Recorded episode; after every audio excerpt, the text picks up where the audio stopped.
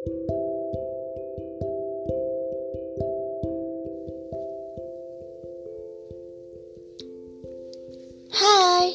selamat datang kembali. Terima kasih ya sudah mampir. Jadi, banyak hal yang terjadi setelah episode perkenalan pertama. Mulai dari banyaknya tamu yang berkenan hadir untuk melihat-lihat, sampai dukungan-dukungan yang membuatku semakin kokoh. Terima kasih ya. Sebelum kulanjutkan ke episode yang lebih akrab, mungkin ada beberapa hal yang akan kuberitahu mengenai aku. Yang pertama, namaku Rahma dan kadang dipanggil Rara. Aku lebih suka mie goreng dibandingkan mie rebus. Warna kesukaanku ungu, tapi ini bisa berbeda-beda kok. Dulu aku sempat suka putih, biru muda, dan mungkin suatu saat nanti aku akan suka warna merah. Aku juga suka banget sama majalah Donald Bebek, serta novel-novel konspirasi. Hobiku bernyanyi, walaupun gak bagus-bagus amat. Aku juga suka nulis lagu kadang-kadang kalau lagi niat walaupun aku lebih suka tidur. Mengenai kegabutan, aku sangat menghargai hal itu. Tentang berdiam di kamar atau berbicara sendiri, atau mungkin berhayal ke hal-hal yang belum terjadi. Menurutku sesekali penting bagi kita untuk mendengarkan kata hati sendiri. Hidupku nggak banyak istimewanya, tapi aku menghargai itu. Aku menganggap setiap hari yang aku lalui pasti istimewa dengan caranya masing-masing. Sama halnya tentang dua orang hebat yang sudah aku kenal sejak sekolah dasar. Mereka akan jadi tamu pertamaku yang kuundang ke rumah ini. Jadi jangan lupa untuk mampir dan mendengarkan suara mereka di episode selanjutnya ya. Ini tentang Angelin Priscilia yang rela berjuang dua tahun berturut-turut untuk mengejar mimpinya di Fakultas Kedokteran Universitas Indonesia. Ia bercerita bahwa prestasi terhebat bukan dilihat dari hasil terwujudnya mimpi tersebut, melainkan dari usaha dan niat yang sudah ia sungguhkan dari hati.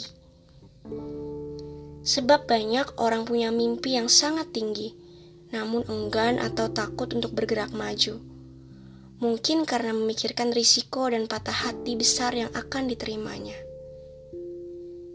Namun, bagi Angelin, patah hati adalah guru terbaik di kehidupan ini. Tempat manusia memperbaiki kesalahan dan belajar menangguhkan diri. Lalu cerita kedua, ini tentang Judika Deborah, yang selalu percaya bahwa kesuksesan bukan melulu tentang gaji besar dan banyak uang, tapi juga dapat dimulai dari hal-hal yang paling sederhana, yaitu pengalaman.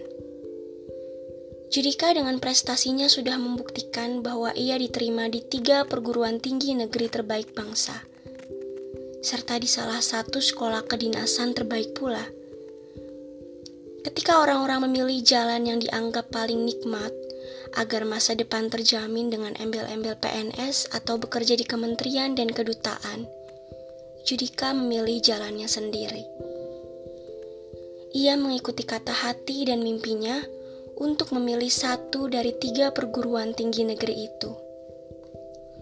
Ia rela untuk berkorban dan belajar dari awal tentang cara menjadi pengusaha yang dapat memperkerjakan dan menopang kehidupan berbagai rakyat Indonesia. Sebuah cita-cita yang sungguh mulia, yang tentunya untuk mendapatkan hal itu perlu kerja keras dan pengalaman yang berliku. Namun ia bersedia untuk mengikuti alurnya. Aku percaya, setiap orang punya suaranya masing-masing untuk dibagikan. Keistimewaan hidup tidak hanya melulu tentang kemudahan dan keberuntungan. Justru terkadang kita menemukan berbagai keistimewaan itu lewat kerja keras dan seretan beban lewat luka dan tangis, lewat pedih dan hancur. Namun semuanya tetap berharga. Hidupmu akan selalu istimewa. Podcast ini aku buat untuk suara-suara yang butuh didengar. Untuk berbagai cerita istimewa yang tidak harus benar-benar istimewa, tapi setidaknya berharga dengan caranya masing-masing.